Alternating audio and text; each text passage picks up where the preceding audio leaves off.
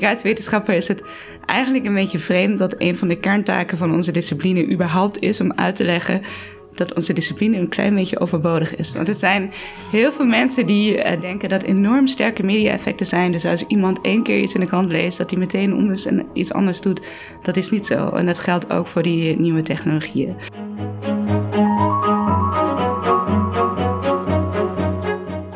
Door die filterbubbel-ideeën, die dus eigenlijk niet echt is of niet een groot probleem, in ieder geval op dit moment, worden we een beetje afgeleid van het feit dat het journalisme aan zich, uh, zich totaal verandert en steeds meer afhankelijk wordt van de, een paar spelers, uh, die dus steeds meer mogen bepalen hoe en wel of niet mensen geïnformeerd raken.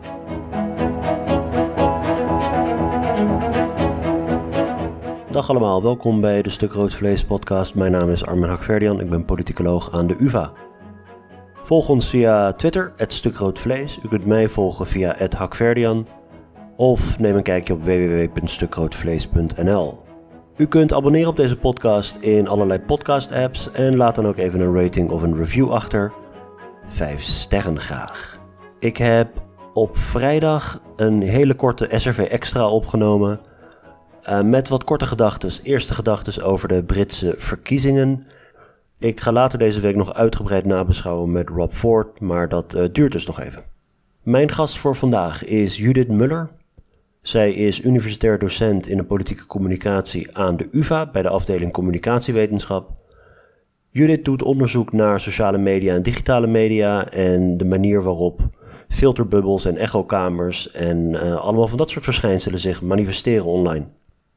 In ons gesprek legt Judith uit wat filterbubbels nou daadwerkelijk zijn, wat de rol van algoritmes is in het um, filteren van het nieuws dat we tot ons nemen via sociale media. En we praten ook nog wat eh, meer over hoe dat eventueel een probleem zou kunnen zijn of niet voor het functioneren van, van de democratie en voor het aanjagen van polarisatie.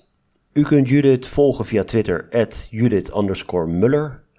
Ik zal in de show notes linken naar haar website, zodat u ook de onderzoeken en de rapporten waar we het over hebben rustig kunt nalezen in uw eigen tijd.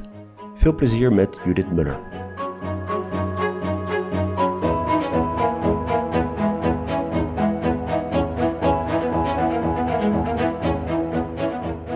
Judith, welkom bij de podcast. Hi. Wij gaan praten over filterbubbels, over echokamers, over polarisatie en over, uh, over nieuwe media. Misschien kunnen we gewoon beginnen bij het begin. Filterbubbel is een soort uh, hypewoord geworden. Wat betekent het precies? Wat is een filterbubbel? Ja, de idee van de filterbubbel komt van Eli Pariser. Dat is een, eigenlijk geen onderzoeker, maar een internetactivist.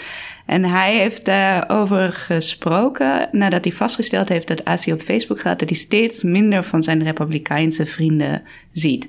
Zij is zelf redelijk democratisch ingesteld, zegt hij dan zelf ook in zijn TED-talk.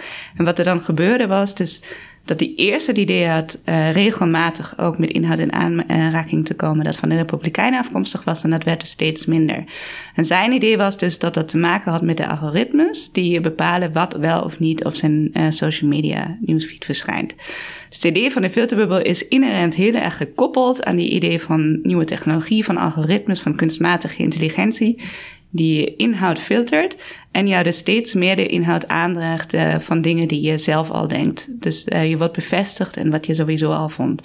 En dat komt omdat algoritmes je gelukkig willen maken en je bent gelukkig uh, als je in aanraking komt met consonante informatie.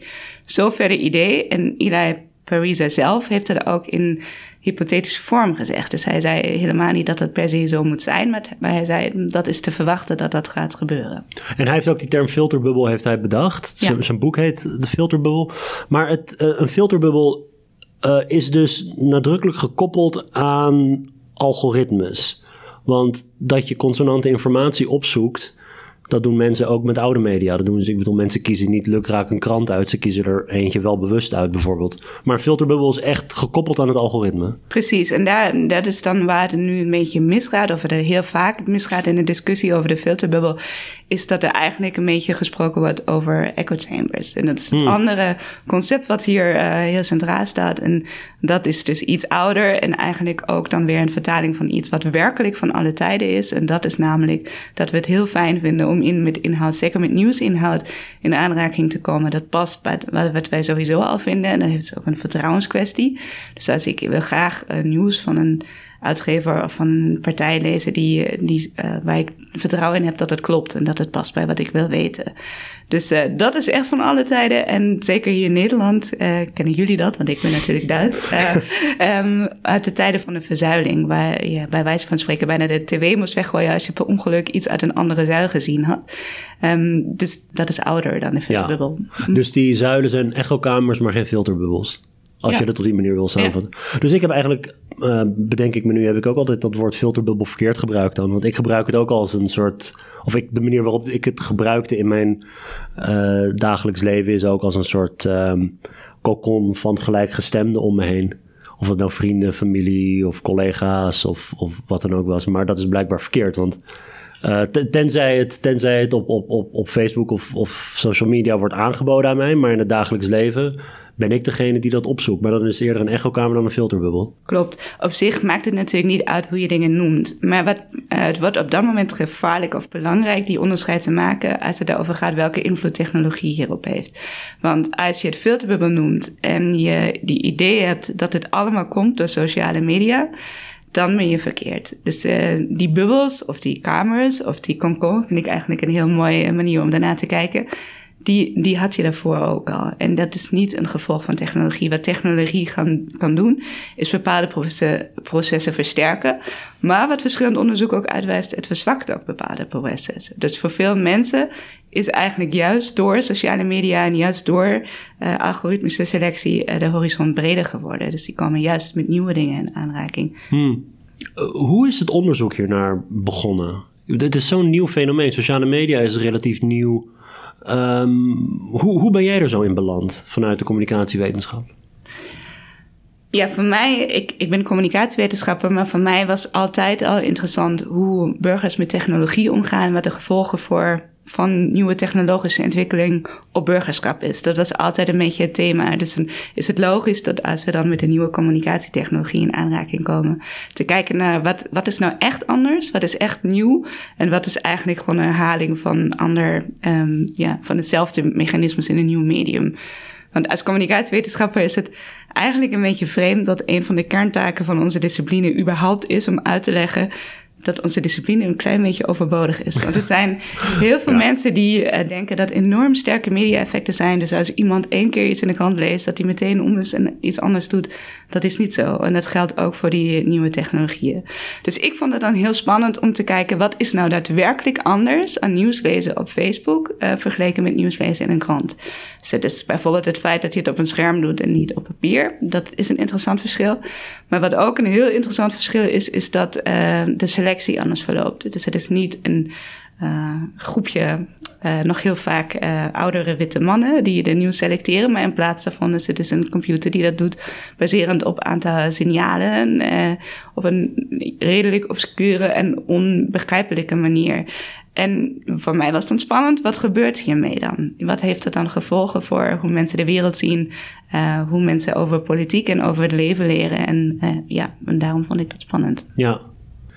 Uh, in de communicatiewetenschap waar je het net over had, die technologische verandering van oude naar nieuwe media, het moet, het moet een, een spannende tijd zijn om communicatiewetenschapper te zijn, of niet? Het is enorm spannend. Misschien ook een ehm, verwarrende tijd. Ja, het is ook een beetje wat, wat ik net al noemde, dat um, in andere disciplines vaak uh, een beetje verkeerde aannames zijn over hoe sterk media zijn. Dus je ziet nu allemaal computerwetenschappers of inderdaad die mensen die je beter kunnen omgaan met de technologische kant van, van dit verhaal. Uh, en die dan uh, studies in science en zo verder publiceren over communicatiewetenschappelijke Echte onderwerpen. wetenschap in science. Ja, maar um, die dan theoretisch echt nergens op staan, omdat die uitgaan van hele sterke media-effecten, die, die dus niet aanwezig zijn op het moment dat je daarnaar gaat kijken. Dus mijn studie in science gaat over het verspreiden van disinformatie, dus echt onjuiste informatie. En is dan vergeleken, uh, hebben ze dan vergeleken uh, verhalen van factcheckers die um, wel fout waren en die niet fout waren. En bleek dus dan dat de echte fouten die gecheckt zijn en dan fout bleken te zijn, dat die zich beter verspreiden dan degene die gecheckt waren, maar juist bleken te zijn. Maar dat is een vergelijking die nergens op staat. Je moet het natuurlijk vergelijken met echt nieuws dat niet gefactcheckt hoeft te worden, omdat het gewoon klopt en iedereen dat weet. Maar dat zo, ja, is dus om, uit gebrek aan kennis over ons vak. En dat is dan een beetje jammer dat wij dan daar niet in meegenomen zijn. En dan uh, dus lezen, oh, fake news verspreidt zich veel sneller. En wij denken dan, nee, en uh, komt er niet zoveel van. Dus dat, dat is dan een beetje jammer. Aan de andere kant is natuurlijk, merk je echt wel um, met hoeveel mensen je hierover kan praten en hoe je echt iets kan toevoegen aan deze discussie. Super spannend. En uh, ja, waar iedereen die op dit moment onderzoek naar sociale media doet, moet eigenlijk uh, activist worden. Omdat het zo lastig is om data te krijgen, om überhaupt iets te observeren. En het is overduidelijk dat er van alles aan de hand is met social media. Hoef je alleen naar de laatste paar verkiezingen vooral in electorale systemen te kijken waar je maar een keuze uit twee partijen hebt. Ja. Maar daar, daar zie je echt, uh, het is een heel sterk gevoel en intuïtie dat er van alles gebeurt. Je ziet ook anekdotisch bewijs dat er dingen gebeurd zijn. Uh, je hoort van klokkenluiders en zo verder. Maar eigenlijk wat nu echt nodig is, is goed um, reliabel en valide onderzoek. En dat is bijna niet, of dat is niet mogelijk Ja. met, de, met de huidige situatie. Dus uh, ja, iedereen die daarmee bezig is, is dus voor de helft van de tijd uh, wetenschapper die onderzoek doet. En voor de andere helft van de tijd activist die probeert uh, data los te peuteren uit de grote. En heb je dan ook bij jullie op de afdeling bijvoorbeeld mensen die echt van de oude media zijn en mensen die echt van de nieuwe media zijn? Van dit, dit is wat het toe doet, dat is wat het toe doet. Of dat, dat dan mensen denken van ja, die, die nieuwe media, dat wordt maar overdreven, het invloed daarvan. Of, of valt het allemaal wel mee? Nee, dat was tien jaar geleden. Nee, het is. Tien jaar geleden? Nee, echt. Want ik, ik, denk ook die, die, dat verschil tussen offline en online heeft al lang zijn nut verloren. Want okay. elke offline krant heeft een online uh, um, uh, representatie. Daar komt dus men, in zo'n redactie, moet je je voorstellen, hangt een grote scherm. En op die scherm staat per seconde hoeveel kliks op wel elke artikel is van die krant. En daardoor leren zij dus dan welke artikelen het goed doen. En dat beïnvloedt dan welke artikel de volgende dag op de eerste pagina van de, van de krant staat. Dus dat zijn processen die totaal in elkaar overgaan. En andersom gebeurt het ook. Dus dingen waar de krant heel veel geïnvesteerd heeft en die sowieso op de voorkant van de krant komen te staan, die worden ook online gepusht. En er wordt ervoor voor gewoon gezorgd dat die, dat die groot uh, terechtkomen. En daar wordt bijvoorbeeld daarvoor gezorgd door die algoritme die het nieuws selecteert, uh, om die aan te wijzen, om dit soort verhalen prominent mee te nemen. Dus dat verschil tussen online en offline, uh, daar zijn we langs. Ja. Denk ik. Wat, wat is dan de grote of, of andere scheidslijnen? Want je hebt het af en toe in, in de stukken die ik had gelezen, heb je het over legacy media. Ja. Ten opzichte, is, is dat dan, maar dat is niet hetzelfde als online, offline? Nee, nee. Legacy media zijn inderdaad um, media die offline begonnen zijn. Dus die, die een uh, geschiedenis hebben in, uh, in de offline wereld. Uh, maar die tegenwoordig hartstikke online onderweg zijn. Maar dat is een verschil met bijvoorbeeld media zoals Ginstyle, die nooit een offline representant hadden. En gewoon veel nieuwer zijn. Ook niet deze langere geschiedenis hebben in het journalisme. Hmm. En nee, de institutionele structuren die, die een uh, oud medium had. Een beetje uh, in, in, het, in, het, in het jargon van sociale media, de, de MSM, de mainstream media. Is dat, is dat legacy media of... Ja, ook al zou ik nu.nl uh, wel uh, mainstream medium noemen, maar niet een legacy. Ah, oké, okay, op die manier. Ja, ja. ja. Maar ja, dan wordt het wel. Ja, uh, hoe zeg je dat in het Nederlands? Inderdaad, is het haar spleten. Uh, ja. Is dat nog een verschil die belangrijk is of interessant is? Ik weet het niet. Het gaat voornamelijk om de uh, ontstaansgeschiedenis en misschien de, de journalistieke ook codes die, ja. die mensen gebruiken. Is dat ik het? denk het gaat het verschil tussen legacy media en de nieuwe media is denk ik de institutionele cultuur en ja die die grote expertise bijvoorbeeld ook in het selecteren van nieuws. Um, dus een nieuw medium die heeft dat niet. Dus die gaat automatisch naar andere manieren kijken om dat te doen. Want die hebben niet deze rijke geschiedenis, maar hoeven dus ook niks uh, over te nemen. Terwijl uh, oude uh, grote mediabedrijven wel erover nadenken. Hoe kunnen wij wat wij geleerd hebben in honderden van jaren, hoe kunnen wij dat vertalen? En dat is natuurlijk een voordeel, maar ook een nadeel. Ja. Ik wilde even terug naar die Um, die rol van algoritmes en wat je net uh, zojuist zei, het selecteren van het nieuws. Wie, wie selecteert het nieuws dat uiteindelijk bij jou en mij terechtkomt, of, of wie, wie, bij welke nieuwsconsument dan ook? Vroeger werd dat gedaan door redacties, een aantal redacties, soms heel weinig redacties. En binnen die redacties misschien een paar mensen. Dus je had een aantal hele machtige poortwachters van het nieuws. En door die algoritmes wordt dat zo langzamerhand overgenomen door, nou ja, wat je net zei, hele diffuse computer uh, algoritmes die, die dat eigenlijk bijna voor jou individueel cureren wat jij te zien krijgt en wat niet. Ja. Is dat nou een is dat nou een positieve of een negatieve ontwikkeling? Want beide hebben natuurlijk zo zijn positieve en negatieve kant. Ik kan me voorstellen dat macht in een aantal poortwachters ook gevaarlijk kan zijn. Klopt, en daar was ook heel veel kritiek op. Er was echt heel veel kritiek op. En je kan dus al die nieuwe ontwikkelingen ook echt als een kans zien dat andere groepen van de maatschappij nu gehoord kunnen worden. Um, maar um, oké, even terug. Wie selecteert het nieuws? Voor de legacy media is het ook in deze tijden van algoritmes nog steeds uh, mensen. Dus uh, die poortwachters zijn er nog steeds. Het is natuurlijk de vraag wat in de toekomst gebeurt. Maar het lijkt erop dat eigenlijk ook heel veel uh, lezers van nieuws daar heel veel baat bij hebben. Die vinden dat heel fijn dat een mens die, die dat nieuws geselecteerd heeft. Dus wat je ziet bij legacy media, en daar hadden we net over wat dat is, is dat er een groot deel is dat geselecteerd is door de redactie. En dan is nog een blok de meest populaire stukken op dit moment. En uh, de meest populaire stukken voor, voor jou. Wat wij denken voor jou. En dat is dus dan het stukje wat door de algoritmes komt. Um, de vraag is natuurlijk wat gebeurt op het moment dat de schermen kleiner worden, dat je niet deze keuze kan aanbieden, dat je eigenlijk drie verschillende selecties hebt, de populaire, de redactie en dan het beste voor jou. Welke van de drie gaat het dan winnen? Weten we nog niet. Op dit moment lijkt het op de redactie. Dus de smart speakers bijvoorbeeld, die uh, draaien op dit moment gewoon een heel algemeen verhaal voor iedereen hetzelfde, omdat mensen dat ook willen. Uh, wat zijn de smart speakers? Wat bedoel je? Ah, oké. Dat is de uh, God, Alexa of Google Home of zo. Oh, sorry. Oké, okay, dat zijn smart ook in je auto, dan zeg je, ja, hey ja. kid, wat is het nieuws? en dan zegt kid, ja, de, op dit moment en uh, op dit Gebruiken moment... mensen dat voor nieuws? Um, in, in, Nederland nog nauwelijks. Uh, in Amerika is het al iets breder. Dus daar oh. zijn die Alexa's en Google's al iets meer in de huishouden terechtgekomen. En dan worden ze ook voor nieuws gebruikt. Ah. Maar sowieso ook een algemeen gegeven voor um, mensen luisteren, kijken veel minder naar nieuws dan uh, je denkt. Ja, nee, dat, dat is sowieso. Dat, ja, ja. ja. ja, dus zodra je echt uh, gedragsdata vergelijkt met, met uh, surveydata, is het altijd schrikken, want mensen zeggen veel meer nieuws te gebruiken dan ze daadwerkelijk doen. Ja. En ja, dus dat is de ene manier. Um, en daarbij, dus die legacy media, um, die spelen in Nederland nog een hele grote rol. Dus mensen doen dat nog heel veel. Dus dat betekent eigenlijk bijna wij allemaal nog steeds in aanraking komen met nieuws dat geselecteerd is door een redactie. Maar dan heb je dus nog andere kanalen. En daarbij kan je dus vooral, denk ik, op dit moment denken aan sociale media. Dus denk aan je Facebook, denk aan je Twitter, denk ook aan je Instagram. En zelfs op TikTok heb je inmiddels wat nieuwsorganisaties. En daar wordt het nieuws überhaupt niet meer door de redacties ge uh, geselecteerd. Maar dat gebeurt dus puur op basis van zo'n algoritme. Die uit het grote pool van alle mogelijke posts die ik nu aan jouw armen kan laten zien. En dat zijn dus alle posts die je vrienden gemaakt hebben. Elke, elk ding wat je volgt maakt voortdurend posts. En dan uh, nog een aantal andere dingen die, die, die uh, publiek zijn. En daaruit gaat dus dan die algoritme berekenen welke van deze posts is degene waar men met de grootste waarschijnlijkheid op klikt. Op klik, daar gaat het ja. om. Ze willen dat ik erop klik. Ja.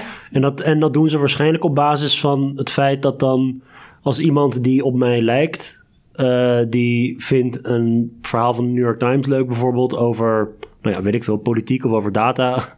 Ja. Uh, en, dan, en als ik dat dan krijg, dan denken ze van nou, daar gaat hij ook op klikken. En dat is goed voor hun uh, advertentieinkomsten. Klopt, dat is het collaboratieve filteren. Maar okay. het is niet, eh, er worden dus een heleboel signalen meegenomen. Dus op het moment dat ik dus bij Facebook mij inlog want ik heb nog een Facebook-account, dan, uh, dan, dan vangt hij dus een heleboel signalen. Vangt op het, uh, uh, dat het met mijn mobieltje was, vangt op wat ik de laatste tien dingen waar ik op geklikt heb, vangt op de locatie waar ik op dit moment ben en zo verder. En al deze signalen worden dus aan die algoritme overgedragen. En dan is inderdaad dat collaboratieve filteren een van de belangrijkste mechanismes om te kijken wat gaat werken. Dus dan kijken ze op andere gebruikers die soortgelijke signalen gezend hebben. En dan kijken ze wat hebben die nog meer gedaan nou, dan geef ik dat ook aan Judith. Um, maar er zijn ook andere manieren. Dus bijvoorbeeld te kijken welke inhouden uh, of welke, welke soort posts heeft ze in het verleden uh, was ze mee bezig. Dan geef ik haar meer van dat. Dat zie je vooral denk ik ook bij de reclame dat dat Ja. gebeurt. Dat je één keer op eh, een trui geklikt hebt en dan achtervolgt hij jou voor een maand. Ehm, dus, Maar je zou kunnen zeggen, als gebruiker, eh, misschien is dat heel naïef, maar wat fijn dat ik artikelen voorgeschoteld krijg nee, waar ik misschien nee. interesse in heb. Precies, dat is toch hartstikke goed. Dat is toch heel fijn dat je dus eh, eh, in deze tijden van information overload, dat je daarbij geholpen wordt om dingen te zoeken die, eh, die voor jou waarschijnlijk relevant zijn en waar jij waarschijnlijk op klikt. Dus ja, er zitten heel veel goede kanten aan. En eh, onderzoek wijst dus ook uit dat dat juist dingen zijn die je offline of in de legacy media niet tegen was gekomen. Dus heel veel mensen over de hele wereld zijn ontzettend blij met wat sociale media ze bieden omdat het juist iets meer en iets anders is dan ze al kregen. Dus het complementeert hun, laten we zeggen, offline media dieet. Ja, ja. En, eh, en eh, sommige mensen zijn daar ook heel slim in om dat juist uit te, eh, op te zoeken. Dus die zeggen, ik heb geen zin om een lokale krant, want er staat sowieso, dat is sowieso een kopie van, van een andere krant en daar staat bijna niks in. Maar die heel bewust aan hun sociale media feed gebruiken om over lokale dingen eh, ehm, te horen. En, ja, dat is hartstikke slim. Dat is een slimme manier om met die technologie om te gaan. Ja. Dus ja, dat is heel fijn voor heel veel mensen. Maar, Ja. ja, nou ja, dus dan kom je dus naar de vraag: wat verandert dan dus werkelijk? Eén ding wat echt verandert is dus dat we niet allemaal evenveel nieuws krijgen. Dus eh, ja, dat komt nu een beetje, begint nu een beetje uit onderzoek te komen. Die signalen die ik dus stuur zijn omdat ik dus. eh um, onderzoek naar politieke communicatie is het geen grote verrassing dat ik heel erg geïnteresseerd ben in politiek. Dus ik heb vrienden die erg geïnteresseerd zijn in politiek. Ik heb al heel veel op dingen geklikt, uh, geklikt die met politiek te maken hebben. En, um, en, en zo is dus de kans groter, veel groter, dat ik dan vervolgens meer over politiek te zien krijg dan iemand die geen vrienden heeft die uh, geïnteresseerd zijn in politiek en die nooit op iets klikken wat, wat politiek is. Dus uh, we weten bijvoorbeeld dat eigenlijk gemiddeld op dit moment in Nederland maar 5% van de dingen die in je social media feed zijn nieuws zijn, maar daar zit dus dan heel veel variatie omheen. Dus 5% maar? Ja, dat is wat wij gevonden hebben. En, maar dus voor voor mensen die dus daar nooit op klikken, zal het nog, nog veel minder zijn. En als deze mensen dan geloven, ik ga toch naar social media, ik hoor wel wat gebeurt in de wereld, ja, dat is dus niet genoeg. Ja. En het andere maar is denk ik bij de mensen die, maar dat is nog niet goed uitgezocht, moet ik eerlijk toegeven, die al redelijk uh, uh, extreme attitudes hebben. Want ik zeg dus dat voor de meeste van ons eigenlijk, als we op sociale media juist nieuwe dingen of andere dingen zien, voor deze mensen geldt dat dus volgens mij een stuk minder. Dus daar, die worden wel heel erg bevestigd in wat ze toch al dachten. Wat betekent dat niet hun instellingen veranderen, maar hun perceptie daarop hoeveel mensen het met ze eens zijn. Ja, ja. ik, ik wilde die, uh, die, die, die nichegroepen even parkeren. Uh, als we het, het, het bredere plaatje over filterbubbels en de politiek, de manier waarop ik de discussies volg. Um, het gevaar van die filterbubbels, en misschien hetzelfde met echokamers voorheen, uh, zou zijn dat je alleen maar blootgesteld wordt aan soortgelijken. En dat op een gegeven moment dat leidt tot extreme polarisatie. En met extreme polarisatie kun je. In een democratie kun je ook heel moeilijk een, een publieke ruimte hebben waarin mensen op, op basis van dezelfde onderwerpen een debat voeren en meningsverschillen voeren en zo. Dus het, het, dat debat als ik dat als politicoloog volg, wordt heel erg ingezet vanuit een soort, soort idee van. Er moet een publieke ruimte zijn waarin je elkaar tegenkomt. En waar je ook open staat voor overtuiging. En, en je moet je ook laten overtuigen door argumenten. En dat dus die filterbubbels dat onmogelijk maken. Nu moet ik eerlijk zeggen, ik, ik vind dat een heel Amerikaans verhaal. Ook met die extreme polarisatie en zo. Kun, kun je iets meer vertellen over de, de, de, resultaten uit, uit het onderzoek dat is gedaan? Is het nou zo erg gesteld met die filterbubbels en die polarisatie en de rol van filterbubbels in het creëren van polarisatie? Of hm. valt het wel mee? Ja, uh, klopt. Het concept polarisatie vind ik sowieso lastig om zomaar naar Nederland te vertalen. Want het betekent namelijk dat elk verhaal precies twee kanten heeft. En dat is Hmm. mm. juist wat zo rijk is aan de, aan de Nederlandse cultuur. Dat we hier zoveel, dat elk probleem zoveel verschillende oplossingen heeft. Ja, dat dat je eigenlijk niks anders kan doen dan polderen. Ja. Uh, um, ja, dus, dus inderdaad, de filterbubbel is een Amerikaans idee en past precies in het Amerikaanse plaatje dat, dat er precies twee kanten van alles zijn. Um, wat kan ik zeggen over onderzoek uit Amerika? Onderzoek uit Amerika uh, heeft die filterbubbels eigenlijk alleen gevonden op het moment dat ze ze zelf gemaakt hebben. Dus er zijn een aantal experimenten geweest waar onderzoekers een nep Facebook uh, gemaakt hebben, dat ze dan aangepast hebben aan de voorstellingen uh, aan, of aan de ideologie van, van de respondenten of de participanten van de, deze experimenten. En daar hebben ze dus dan inderdaad gevonden dat onder deze kunstmatige omstandigheden deze mensen inderdaad polariseren. Dus dat die uh, meer um, ideologisch een bepaalde kant op gaan. Elke keer dat dit eigenlijk in de grote wereld, in de echte wereld getoetst is, is dit niet gevonden of het tegendeel gevonden. Hoe toets je dit in de echte wereld? Ja, dat is, dan, dat is dus lastig. Dat heeft dus minder interne validiteit dan dit, dit experimentele onderzoek. Want dat ga je dan toch vooral baserend op surveydata doen. Dus dan ga je mensen uh, over een tijdje volgen. En dan ga je in het begin vragen: hoeveel sociale media gebruik je? Hoe ziet jouw feed er ongeveer uit? En wat is je ideologische positie? En dan kom je na een tijdje terug, omdat polarisatie een proces is. Dus je moet het over de tijd uh, observeren. En dan ga je kijken wat er gebeurt. En daar hebben dus uh, collega's in Amerika gedaan. En die vinden dus juist depolarisatie. Dus die vinden eigenlijk de meer je op social media met nieuws in aanraking komt, uh, de minder polariseerd uh, was je dus. Als je controleert voor de usual suspects die niks met sociale media te maken hebben. Ja, Um, en hier in Nederland uh, is het een hele andere vraag. Want daar is de vraag in hoeverre het überhaupt mogelijk is uh, dat uh, die door algoritmes polariseert. Omdat het natuurlijk niet zo is dat er maar twee oplossingen zijn voor elke. voor elk probleem. Dus hoe, hoe operationaliseer je dat dan überhaupt? Um, want eigenlijk verschillen ook politieke partijen per onderwerp en waar ze staan. Dus hoe, hoe zou je dat überhaupt dan meten? Dat je steeds meer van de ene kant van het verhaal hoort. Dus ik denk dat je dan veel meer gaan moet gaan richten op bepaalde onderwerpen, zoals immigratie. Dat is natuurlijk een enorm, inderdaad, polariserend onderwerp, want daar zijn er precies twee posities op. En dan kan je dat onderzoeken. Maar niet een algemeen proces van polarisatie dat zich door alle hmm. onderwerpen heen trekt. Ja, want op een gegeven moment, jullie schrijven in het rapport van, nou ja, om. Dus die Amerikaanse situatie is zo extreem. En als we die zouden willen vertalen naar de Nederlandse situatie, dan moet je eigenlijk naar een aantal dingen, een aantal voorwaarden kijken die in Amerika wel bestaan en in Nederland niet. Eén daarvan is überhaupt dat de nieuwsmedia in Nederland niet zo gepolariseerd is als in Amerika. Ja. En dat is wel, wel mooi. Er staat een plaatje in het rapport over uh, de. Um, even kijken, dat zijn de, ja, ik zou zeggen, de, de, de nieuwsconsumenten voor verschillende uh, nieuwsbrands in, in, uh, in Nederland. En dit is uh, uit het Reuters Digital News Report.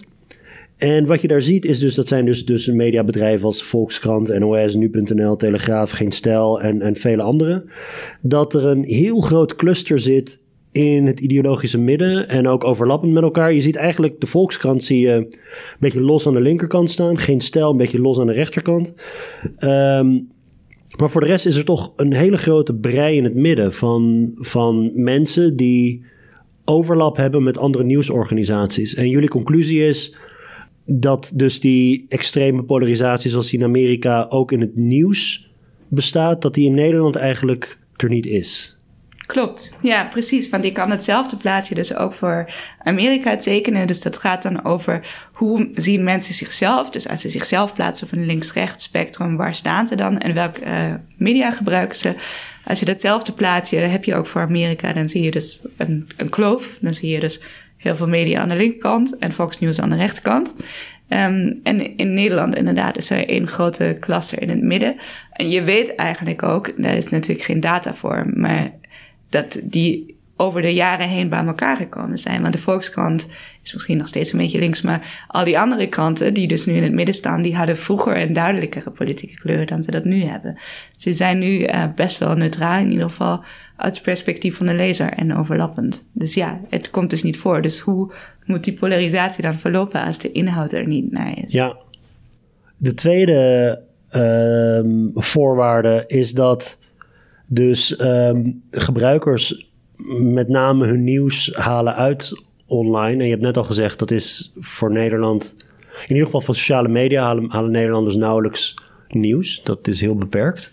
Ja, hebben we dus, dat hebben we dus iets beter bekeken. En ja, om een filterbubbel te laten ontstaan, moet je eigenlijk uh, mensen hebben die voor 100% al hun media via algoritmes binnenkrijgen. Dus waar geen menselijke gatekeepers meer aan uh, toekomen. Die mensen bestaan niet in Nederland, niet één. Uh, er zijn wel bepaalde groepen die krijgen meer men, nieuws via algoritmes binnen dan anderen. En dan moet je denken aan mensen met een lagere opleiding, die interessant genoeg ook wat ouder zijn. En um, die uh, niet zoveel vertrouwen hebben in dat ze zelf goed snappen wat eigenlijk aan de hand is in de politieke wereld. Dus dat is wel een klein beetje zorgwekkend dat ju dat juist degenen zijn die zich blootstellen aan uh, meer nieuws als algoritmes. Maar ook deze groepen zijn ver weg van de 50% van hun overall nieuwsintake. Um, ja. Um, ja, wat via algoritmes binnenkomt. En als laatste punt schrijven jullie ook dat eigenlijk Nederlandse nieuwsconsumenten ook zelf aangeven dat ze proberen een diverse mediadieet aan te houden. Dat ze ook dat ze eenzijdig nieuws niet fijn vinden. Ja, klopt. Dat zeggen ze. Wat, wat heel, wat, dat zeggen ze. Of dat nou zo is. Nou ja, in hun gedrag zie je het misschien ook wel. Maar ja. um, dat is wel iets anders dan wat je vaak hoort. Dat mensen ook niet van uh, of, of dat mensen echt alleen maar nieuws willen horen dat, dat bij hun past. Ik bedoel, mensen proberen in ieder geval, of dat lukt in het echt, dat, dat weet ik niet, maar ze proberen in ieder geval om um, niet al te eenzijdig te zijn. Ja, en ze waarderen het. En dat is dus datgene wat je prima met z'n kan onderzoeken. Dat er echte waardering is voor diversiteit en pluriformiteit. Als je ook met mensen praat over waar wil je dan die algoritmes voor, dan is het hetzelfde. Oh, ik wil meer van hetzelfde horen. Dat is heel vaak, ik wil minder sport. Dat is hetgene wat ja, ze van algoritmes willen. Ja.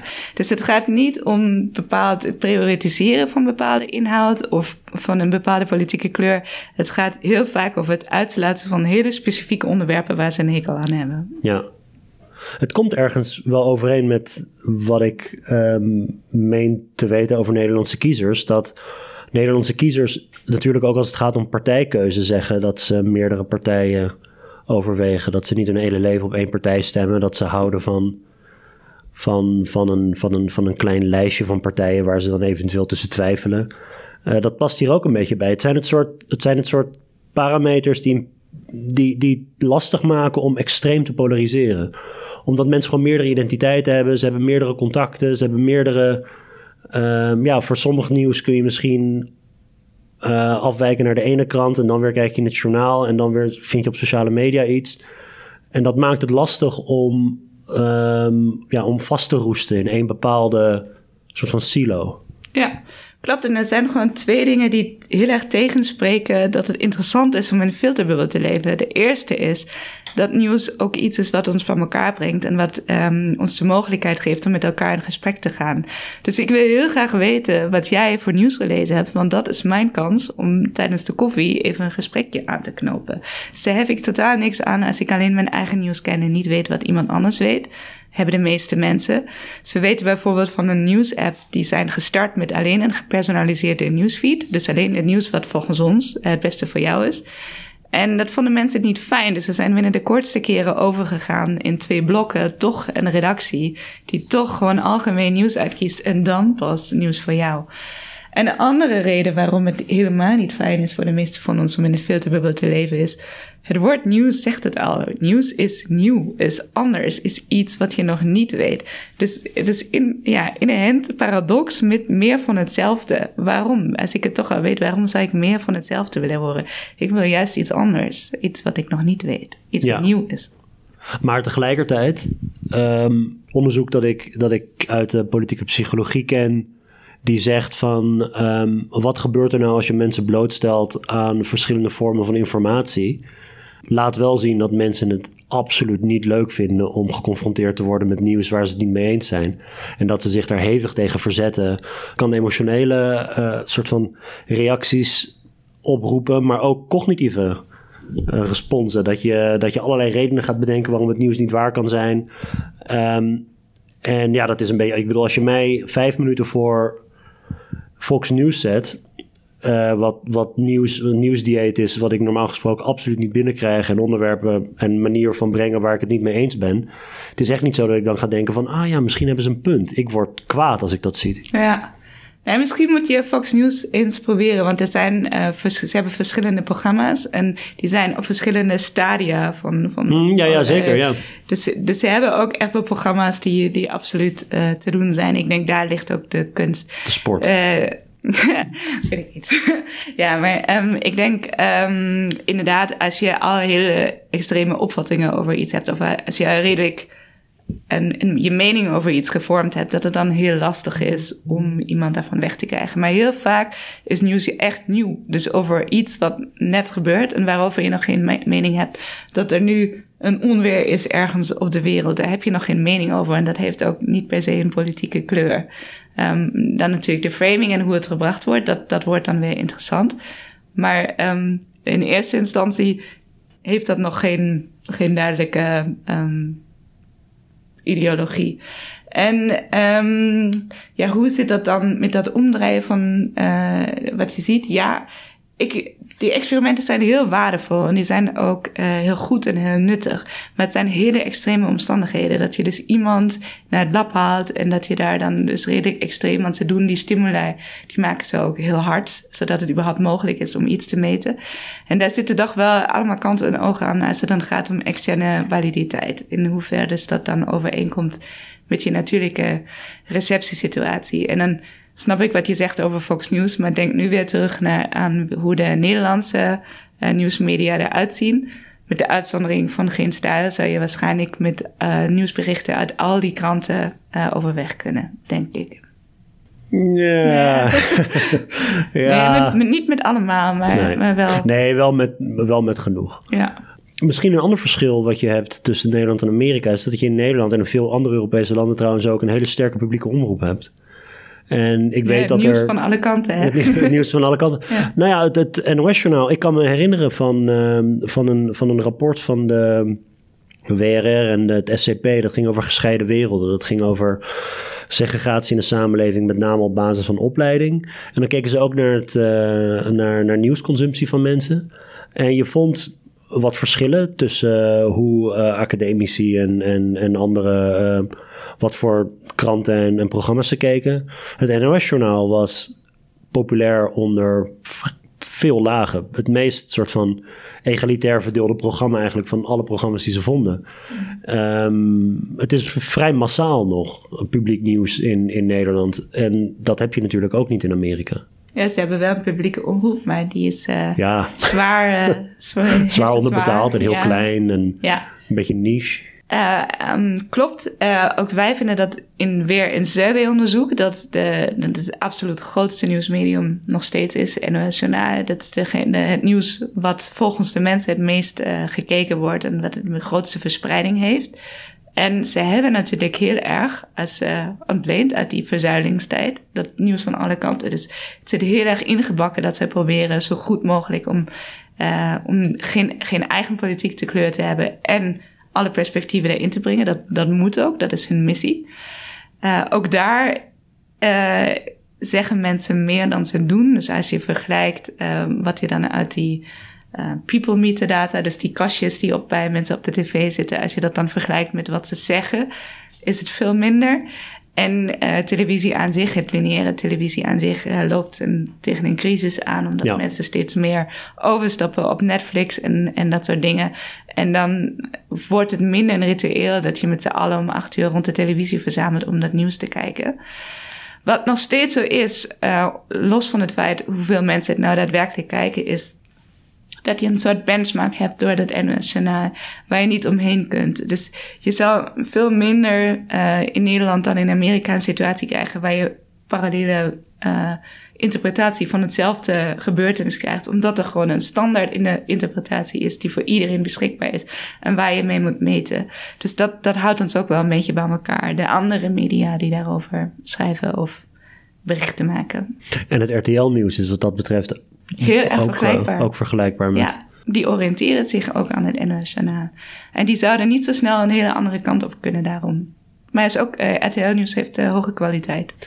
Als je dit uh, soort rapporten leest dan, en in jou ook, ook de resultaten die je laat zien... ze zijn ergens geruststellend. Van in Nederland bestaat er niet zoiets als filterbubbels of die echokamers, dat valt allemaal mee. Mensen hebben een vrij, hebben een vrij gebalanceerd mediadieet en de voorwaarden voor extreme polarisatie zijn niet aanwezig.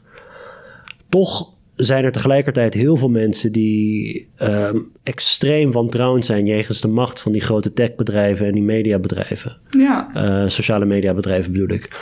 Wat kan er anders? Wat zijn verbeterpunten hierin? Of, of, of, loopt het allemaal wel een beetje zijn beloop zo? Ja, nee, het grote gevaar van de filterbubbel is dat om dat zeg maar hetgene te maken waar we het met z'n allen over hebben, um, is juist deze hype rondom de filterbubbel het grootste probleem van de filterbubbel. Want dat is niet waar het probleem ligt. Want ik denk wel dat die mensen die zich zorgen maken over wat gebeurt in die techbedrijven wel gelijk hebben. Uh, er is echt iets mis met het feit dat uh, zoveel van onze informatie binnenkomt via deze intermediairen die um, gewoon bedrijven zijn die ook politieke spelers zelf zijn, die bepaalde interesses hmm. hebben. En Um, dus door die filterbubbel-ideeën, die dus eigenlijk niet echt is of niet een groot probleem in ieder geval op dit moment, worden we een beetje afgeleid van het feit dat het journalisme aan zich, uh, zich totaal verandert en steeds meer afhankelijk wordt van de, een paar spelers, uh, die dus steeds meer mogen bepalen hoe en wel of niet mensen geïnformeerd raken. Um, een voorbeeld, um, als je nieuws, uh, als een krant in Nederland een nieuws zelf, uh, post op hun website, verdienen ze vele keren meer door reclame dan als het via Facebook gaat. De reclame, dat, de inkomsten uit reclame via Facebook zijn niet genoeg om het te bekostigen. Dus als een krant zich volledig gaat richten op sociale media als distributie, zijn ze failliet. En dat is dan uh, al dat mooie wat ik nu zei over de, media, de, de Nederlandse medialandschap op dit moment, is nu. Maar de crisis, we zitten aan midden in een crisis, die wordt alleen maar sterker. Je hebt dus steeds minder inhoud uh, dat überhaupt verspreid kan worden via uh, sociale media. En de kwaliteit daarvan gaat steeds meer afnemen. Want journalisme is duur. En dat wordt nog duurder in tijden van deepfakes en zo verder. Hoe weet je nog wat waar is? Dat moet je heel goed gaan uitzoeken. En het wordt steeds lastiger om dat allemaal te beheersen en te doen. En um, als het journalisme in een crisis is, uh, dan hebben wij een heel groot probleem. Daar ben ik het helemaal mee eens. Maar hoe is dit nou precies gelinkt aan de sociale mediabedrijven? Ja, omdat ze dus de, in, zij mogen bepalen wat mensen wel of niet zien. Zij hebben de macht om, als zij zeggen, oh, de Volkskrant bevalt ons niet meer, halen ze die uit hun uh, nieuwsfeed. Dat, dat valt bijna niet op. Of ze, ze hoeven ze ook niet geheel uit de nieuwsfeed te halen, alleen een beetje te downgraden. En dan heeft de, heeft de Volkskrant ineens geen inkomsten meer. Dus, dus het probleem is dat, dus, dat, dat bedrijven als Facebook uh, de journalistiek uitknijpen en te weinig... Dus ze hebben heel veel macht en die gebruiken ze op dit moment niet, maar die kunnen ze elk moment gebruiken. ondertussen, wat ze wel al doen, is meeverdienen aan de journalistieke producten. Uh, en ze verdienen een hele grote brok daarmee. En dat geld dat komt dus niet meer in, weer in het journalisme terecht. Ja, hoe moeilijk is het voor jou als onderzoeker dat die algoritmes ook steeds veranderen? Want je bent, je bent een beetje aan het uh, uh, schieten op een, op een bewegend, ja. een moving target. Klopt. en en uh, soms is het ons eigen onderzoek wat ertoe leidt dat de algoritmes veranderen. Oh, is dat zo? ja, nee, niet, niet mijn persoonlijk mijn onderzoek, maar de enige medium waar überhaupt zoiets als een filterbubbel echt gevonden was, was YouTube. Daar gebeurde dus oh, best wel heftig dat als je met een beetje um, extreem inhoud begon, dat je steeds meer die kant op gestuurd werd. Dat gebeurde dus echt niet op Facebook, dat is onderzocht. En, en nou, als uh, gevolg van dat onderzoek, van het publiceren van dat onderzoek, heeft uh, dus YouTube de algoritme aangepast. Dus kan je aan de ene kant zeggen, leuk impact. Ja, nogal, Wij hebben de algoritme aangepast. Aan de andere kant is natuurlijk dan het onderzoek niet meer valide. Wij kunnen sowieso niet de algoritme zelf onderzoeken. Dat kan trouwens überhaupt niemand, omdat die helemaal ingewerkt zijn in de, in de grotere Facebook uh, ja, infrastructuur. Dus je kan echt niet los dat kleine stukje bekijken. En sowieso betekent het niks zonder de data. Want de algoritme zegt eigenlijk nee, veel ingewikkelder dan dat. Maar geef jullie dat waarop ze gaat klikken, uh, baserend op haar signalen.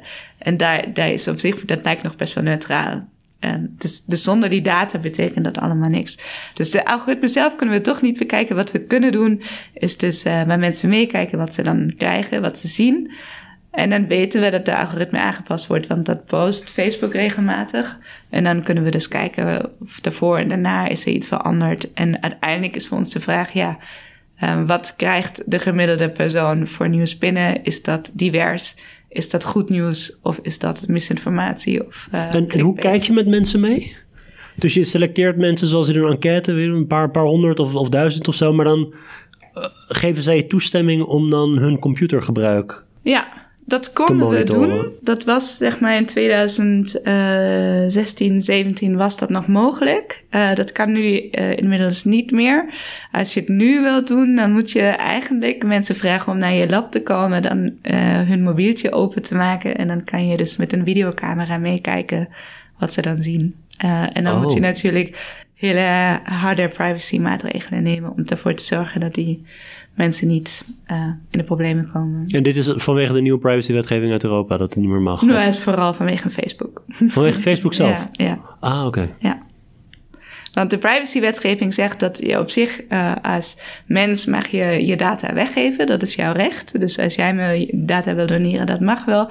Maar we moeten wel een soort contract maken die eerlijk naar je toe is. Dus, dus het zou wel mogen, maar Facebook zelf wil dat niet. Ja. Goed, nu even overschakelen naar de toekomst. Je, hebt, uh, je bent uh, begonnen met een VENI-project, uh, of een onderzoeksproject gefinancierd door NWO, het zogenaamd VENI-project, wat voortbouwt op wat je er net allemaal hebt verteld. Wat ga je precies doen? Ja, ik, ik, ik vond het dus moeilijk om bij elkaar te brengen dat aan de ene kant, wat we nu heel lang uitgelegd hebben, er is niks aan de hand. We vinden geen filterbubbels als we goed kijken ook heel erg ons best op gedaan. Aan de andere kant is al dat anekdotische bewijs dat er echt iets aan de hand is. Dus, en we zien die verkiezingen heel anders lopen dan we gedacht hebben. Dus aan de ene kant kan het lijkt het er niet te zijn. Aan de andere kant is, weten we dat er iets moet zijn. Dus ik dacht, wat kan er dus wel gebeuren? Welke affordances noemen we dan van de technologie?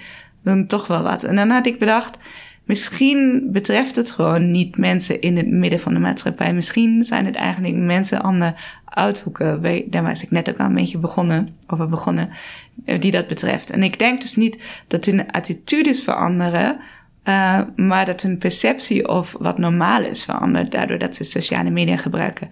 Laat ik het iets duidelijker maken met een voorbeeld. Dus stel, uh, jij bent iemand, uh, Armin, die vindt dat zijn kinderen eigenlijk niet gevaccineerd hoeven te worden. Um, dan stel. Stel, ja, ja. nee, weet ik wel. nee, en, en nog 15 jaar geleden was je een keer naar een feestje gegaan. Had je dat een keertje gezegd. En had je hele strenge blikken van je vrienden gekregen. En dan was je daar weer mee opgehouden. En dat zien we dan dus ook in de cijfers. Ja, nog tien jaar geleden nog 95% van alle Nederlandse kinderen gevaccineerd waren. Er was geen één vraag daarover. Wat is dus nu veranderd? Nu, als je dit soort dingen denkt, en die denk je dus al, dat komt niet door het internet, dan ga je dus online en dan ga je naar uh, Facebook en dan ga je lid van een paar groepen worden en dan ga je op Twitter en dan ga je een paar dingen liken die daar uh, mee te maken hebben en dan ga je naar Amazon en dan ga je wat boeken bestellen. En ondertussen zend je dus een heleboel signalen dat dat een onderwerp is wat je interessant vindt en dat er ook een invalshoek is die je interessant vindt. En wat gebeurt is dan? De algoritme leert dat en die geeft jou meer daarvan. En het verandert niet je instelling, maar het verandert je perceptie over hoe groot deze mening in de maatschappij is. En je begint je dus steeds sterker te voelen daarin, in plaats van zwakker. En je begint dus ook steeds meer daarover te praten met anderen die, die daar ook mee te maken hebben. En omdat dat zo vreemd is en omdat het dus zichtbaar wordt door deze gesprekken die online plaatsvinden, komen dan journalisten die denken: huh, wat is hier aan de hand? Dat is wel vreemd. En die gaan dan daarover schrijven. En waarschijnlijk met een frame die eigenlijk best wel negatief is. En toch is de stap naar de massamedia gemaakt. En daardoor ontstaan weer versterkende uh, processen. En uiteindelijk heb je een soort. Um, noem dan spiral of noise. Dus een soort uh, lawaai-spiraal. Waar, waar iets wat eigenlijk heel klein was en klein hoort te zijn. En wel zijn plek verdient in de maatschappij, maar een hele kleine plek in, in, ineens een massafenomeen is geworden. En dat wil ik dus gaan onderzoeken. Ja, hm. maar in hoeverre is het een effect van internet aan zich en van sociale media? Want ja, ze, ze hadden die attitude dus al. Dus ze hadden het al, maar ze konden ook natuurlijk via um, bijvoorbeeld uh, nieuwsgroepen of zo. Of dat soort, dat soort fora, dat je elkaar kunt vinden. En dat je weet van ik ben niet alleen. Maar Klopt. als ik het verhaal over filterbubbels begrijp en de algoritmes gaat het bij de sociale media is meer dan alleen een forum. Want in een forum krijg je die algoritmes niet, toch? Klopt. Uh, nou, kan waarschijnlijk wel. Maar mijn punt is, wij gaan dus allebei, dus dan ik die haar kinderen wel braaf vaccineert en jij die daarover twijfelt. Nee, ik weet dat het niet zo is. Um, wij gaan allebei naar datzelfde neutrale Facebook. Uh, en wij denken allebei een kijk te krijgen op wat in de, in de grote wereld gebeurt. Alleen mijn grote wereld schijnt er één te zijn in dat, ja, dat, waar dat onderwerp vaccinatie überhaupt niet besproken wordt. Want dat is zoiets vanzelfsprekend, daar ga je nog niet eens over. Terwijl jouw Facebook, dat neutraal hoort te zijn, maar überhaupt niet neutraal is, uh, heel veel informatie over vaccinaties, uh, misschien zelfs van beide kanten binnen. Dus dat onderwerp uh, is veel groter voor jou dan voor mij. En daardoor ontstaat een verkeerde perceptie over hoe groot die groep is of hoe klein jouw mening eigenlijk is gezien op de grotere publieke sfeer. En ik heb nu iets wat wij allebei een heel negatief voorbeeld uh, vinden genoemd. Maar je kan hetzelfde voorbeeld ook doen met een positief verhaal. Je kan ook nadenken over het sleepwet. Uh, wat, uh, ja, het ging, het ging dus over privacy. Het ging over um, eigenlijk niet zozeer privacy, maar meer over wat, hoeveel de overheid over ons mag weten. En het was een, ja, een ontzettend saai wet waar eigenlijk niemand uit zichzelf heel graag over wil nadenken, behalve een hele kleine groep die daar ontzettend actief mee was.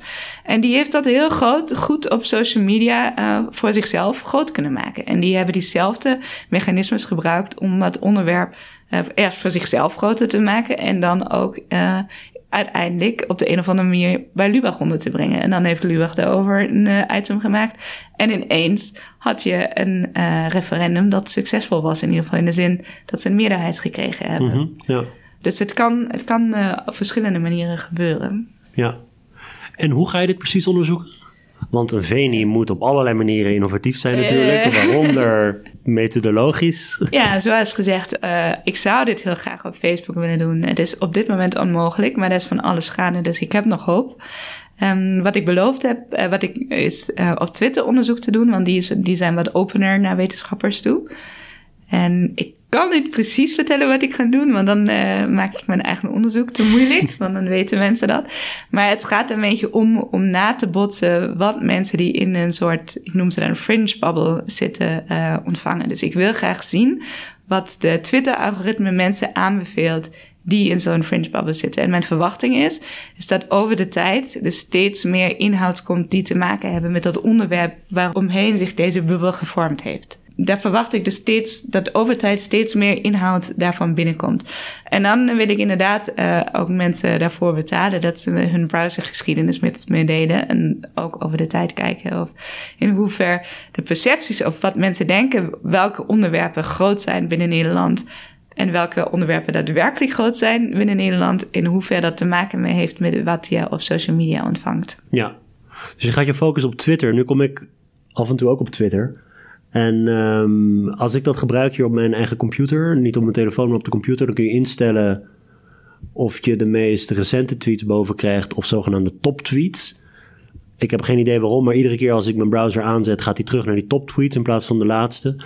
En die top tweets zijn opvallend vaak van mensen die ik niet volg. En bovendien ook nog eens een keer van vrij rechtse mensen die ik niet volg. En de vraag is een beetje hoe komt dat? Dat Twitter zoveel van mij weet en toch mij deze mensen voorschotelt als top tweets? Ja, ik ken het... Of ken ik mezelf gewoon niet goed genoeg?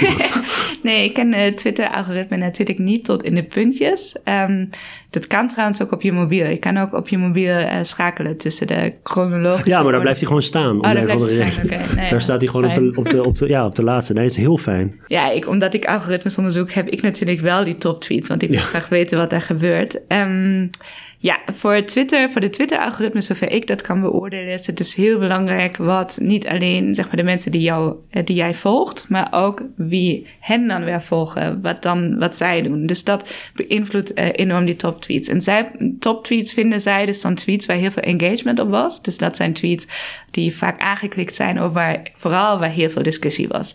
Dus de meer discussie, de groter de kans dat iets een ah. top tweet is. Dus als zeg maar iemand in je tweede kring zich bemoeid heeft met een gesprek over uh, of met uh, Thierry Baudet. Ja. Uh, dan, um, omdat dat dus een tweet is die veel engagement had, heeft die dus Och, grote Ik weet meteen waar het vandaan komt. Omdat het engagement is en ik die mensen volg, komen die tweets van die uh, anderen komen in mijn timeline. Klopt. En zeker... Dus voortaan eigenlijk moet je gewoon screenshots maken van tweets en daar dan een grapje over maken in plaats van die tweet zelf te gebruiken. Of... Maar waarschijnlijk alleen door het feit dat je me aangeklikt hebt om die screenshots te maken, ook dat helpt ook. Oh. Maar, maar, zeker, ja, het is, is, beter om een screenshot te maken dan uh, om, om direct. En wat er nog bij komt is... Jan Posma gaat het niet leuk vinden. En dan, uh, uh, sorry, nog even, even over dat engagement. Dat is natuurlijk iets wat um, uh, zeker rechtspopulistische of mensen die best wel recht zijn ook weten. En die zijn eigenlijk heel goed in het gebruiken van deze technologieën. En je ziet dus dan dat is ook niet heel goed wetenschappelijk onderzocht, maar dat is iets wat we inmiddels al weten. Is dat het heel gecoördineerde acties zijn van die groepen om bepaalde tweets naar boven te krijgen en ook bots daarvoor te gebruiken om heel veel engagement te creëren om op bepaalde tweets, om die interessant te maken, om die juist te verspreiden. Uh, uh, voor een groter publiek. Natuurlijk eigenlijk liever niet aan de mensen die daar heel negatief over reageren. Eigenlijk het liefst aan mensen die nog aan het twijfelen zijn. Die wil je in aanraking krijgen met je tweets. Ja. Judith, heel erg bedankt. voor je, voor je tijd. Als mensen jouw onderzoek willen nalezen, dan kunnen ze naar je website. Ik zal in de show notes zal ik links plaatsen naar je website. Je bent zelf ook op Twitter, of niet? Ja hoor. At? Judith en dan onderstreepje. Wat dat, hoe heet dat ding? Underscore. Underscore. Dus Judith underscore Moeller, M-O-E-L-L-E-R. Top. Bedankt voor het luisteren en tot de volgende keer.